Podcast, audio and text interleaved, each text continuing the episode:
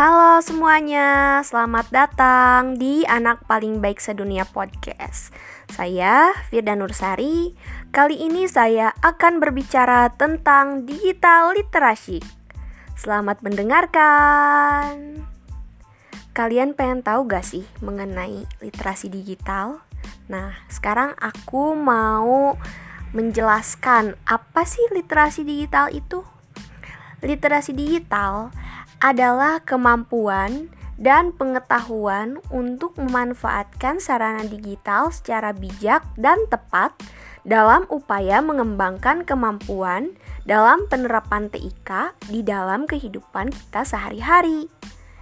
Inti dari literasi digital itu dikaitkan dengan keterampilan teknis mengakses, merangkai, memahami, dan menyebarluaskan informasi literasi digital memiliki empat prinsip dasar, yaitu yang pertama, pemahaman. Artinya, masyarakat memiliki kemampuan untuk memahami informasi yang diberikan media, baik secara implisit ataupun eksplisit. Yang kedua, yaitu saling ketergantungan.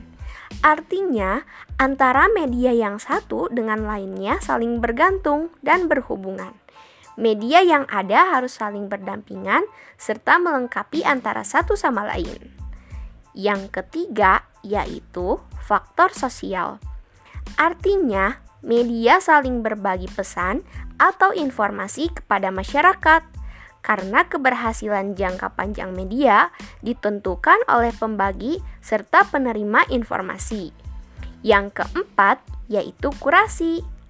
Artinya, masyarakat memiliki kemampuan untuk mengakses, memahami, serta menyimpan informasi untuk dibaca di lain hari. Kurasi juga termasuk kemampuan bekerja sama untuk mencari, mengumpulkan, serta mengorganisasi informasi yang dinilai berguna. Nah, itu dia teman-teman, empat prinsip dasar literasi digital. Kalian pengen tahu gak sih manfaat literasi digital itu? Nah, ada banyak sekali manfaatnya. Yang pertama, menambah wawasan individu. Yang kedua, meningkatkan kemampuan individu. Yang ketiga, menambah penguasaan kosakata.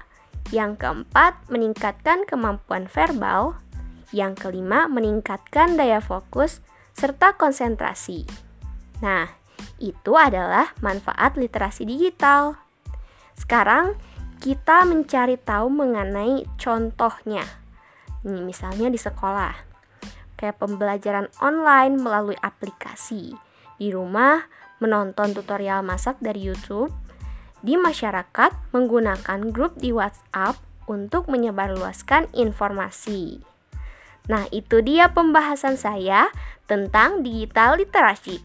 Terima kasih sudah meluangkan waktu Anda untuk mendengarkan podcast ini. Sampai jumpa di podcast selanjutnya. Dadah.